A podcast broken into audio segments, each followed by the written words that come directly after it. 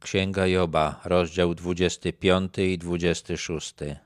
Na to odpowiedział Bildad z Szułach i rzekł: Władza i strach jest w jego ręku. On zapewnia pokój na swoich wysokościach. Bildad uznał, że należy uświadomić Joba o tym, jak potężny jest Bóg. Zaczął od tego, że jest ten świat duchowy, gdzie Bóg w pełni panuje i tam jest pokój, tam Jego wola jest w pełni wykonywana. Czy można zliczyć jego zastępy, a nad kim nie wschodzi jego światło? Ten świat aniołów, świat istot duchowych, które są posłuszne Bogu, jest bardzo liczny. Wiele razy w Biblii jest mowa o tych zastępach niebieskich, nad którymi Bóg panuje. Bildad opowiadał o tym Jobowi, żeby uświadomić mu potęgę Boga. Następnym dowodem jego potęgi jest słońce, które stworzył i które świeci wszystkim ludziom. Jakże więc człowiek może być sprawiedliwy w obliczu Boga? I jak może ten, kto się urodził z niewiasty, być czysty? Bildad spierał się z Jobem, chciał wykazać mu, że jest niedorzecznością twierdzić, że jest się sprawiedliwym przed tak potężnym i tak doskonałym Bogiem. Oto, jeżeli nawet księżyc nie świeci dość jasno i jeżeli nawet gwiazdy nie są czyste w jego oczach, o ileż mniej śmiertelny, który jest jak czerw i syn człowieczy, który jest jak robak. Wobec doskonałości Boga wszystko jest niedoskonałe, wszystko przecież opiera się na nim. Także Bildad chciał uświadomić Joba, jak śmieszne są jego pretensje. Jest podobny do robaka czy larwy, która ma pretensje do człowieka. Taki jest mniej więcej stosunek między nim a Bogiem. Na to odpowiedział Job i rzekł: ale świetnie pokrzepiłeś bezsilnego i wsparłeś ramię pozbawione mocy. Ale świetnie doradziłeś nierozumnemu, doskonale nauczyłeś rozsądku. To wszystko, co tutaj Job powiedział, oczywiście należy rozumieć na wspak. Takie były intencje Bildada, kiedy wypowiadał swoją mowę, ale rezultat był dokładnie odwrotny do tego, który Bildad chciał osiągnąć. Z czyją pomocą wypowiedziałeś te słowa, a czyj duch wypowiedział się przez ciebie? Zapewne Bildad mówił jakby w natchnieniu, jakby go ktoś prowadził, ale Job nie uważał, że to Bóg podsunął mu te słowa. Cienie zmarłych drżą, wody i ich mieszkańcy. Odkryta jest przed nim kraina umarłych i nie ma okrycia miejsca zagłady. Teraz Job podaje Bildadowi przykłady potęgi Boga, które jemu przychodzą na myśl. Istnieje kraina umarłych. Job nie miał co do tego wątpliwości. Żaden człowiek nie może tam zajrzeć, nie wie co tam jest, ale Bóg wie, co się tam dzieje. Dla niego nie jest to tajemnicą. Rozpościera północ nad pustką, a ziemię zawiesza nad nicością. Te słowa rozpościera północ nad pustką są moim zdaniem źle przetłumaczone. W tekście hebrajskim to jest dosłownie napisane że zawiesza popołudnie północne. Wydaje mi się, że chodzi o to, że Job skądś wiedział, że w północnych krainach popołudnie trwa długo, że słońce tam długo nie zachodzi. Nie wiedział, co jest tego przyczyną, ale uważał, że jest to dowód potęgi Boga. Bardzo się temu dziwił i podziwiał to zjawisko. Te słowa zawiesza ziemię nad nicością można też przetłumaczyć, że zawiesza ziemię na niczym. To jest dobry opis działania prawa powszechnego ciążenia. Różne święte księgi podają różne opisy świata i podają na czym oparta jest ziemia, ale tylko w Biblii jest to stwierdzenie, że ziemia wisi na niczym.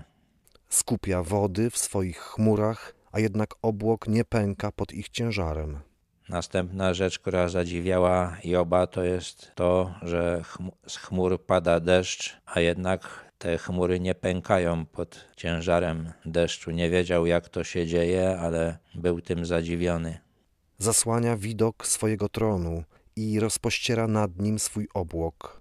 Job wierzył, że Bóg ma swój tron, z którego widzi wszystko, ale człowiek nie może go zobaczyć. Na krańcu wód zakreślił granice, oddzielił światłość od ciemności. Job zapewne widział, jak fale morskie biją o brzeg. Nieraz pływają w głąb lądu, ale zawsze się cofają. Jest ta granica, do której mogą się posunąć. Nie znał prawa powszechnego ciążenia, które tak działa, ale był pełen podziwu dla Boga, który tak urządził świat. Kolumny niebieskie chwieją się i drżą przed jego groźbą.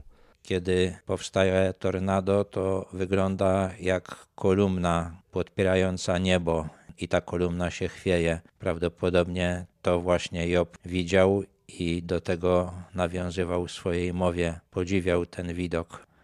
Swoją mocą uspokoił morze, a swoją mądrością zmiażdżył Rahaba. Job widział, jak groźnie wygląda wzburzone morze i widział, jak się ono uspokaja, i to też uważał za dowód potęgi i mądrości Boga. Od jego tchnienia rozjaśnia się niebo. Jego ręka przebiła giętkiego węża. Job uważał, że Bóg tak urządził świat, że słońce wschodzi i to jest powód, żeby czcić Boga, a nie słońce. Nie miał też wątpliwości, że istniał lewiatan, potwór morski i że Bóg tego potwora pokonał. Oto zaledwie zarys jego dróg, a tylko jak cichy szept jego słowa słyszymy.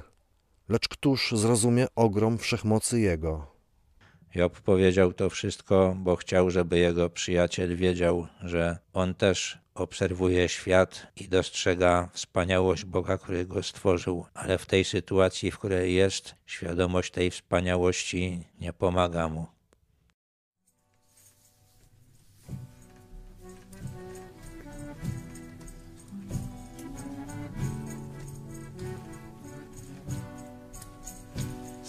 Szczęścia, szukać celu życia chciałem, gdy na drodze mej stanąłeś, Panie mój.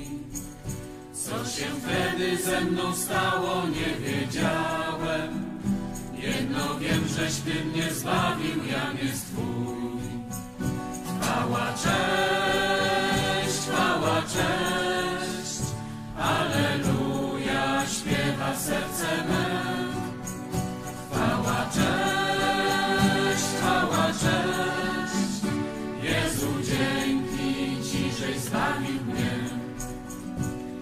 Okazał dla mnie miłość swoją, Panie, której głębi ja nie mogę pojąć sam.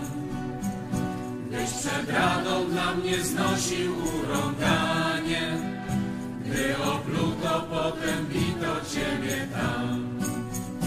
Chwała,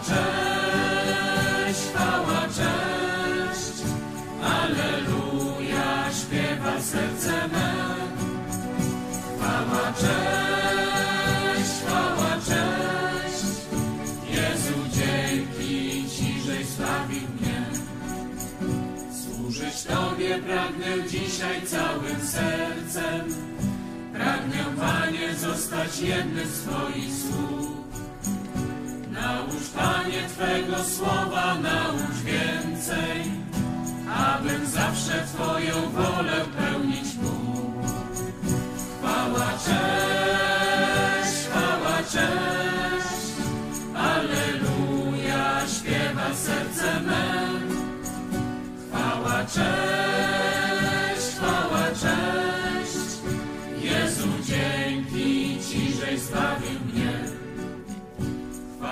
Tobie, Panie, żeś obiecał wrócić, aby zabrać mnie z Kościołem świętym Twym.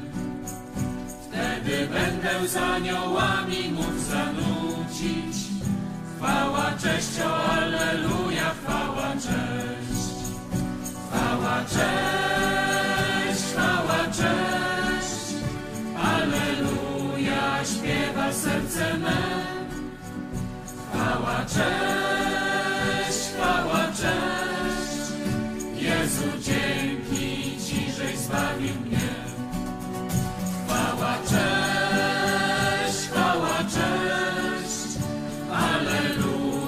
śpiewa serce me. Chwała, cześć, chwała, cześć. Jezu, dzięki Ci, żeś zbawił mnie.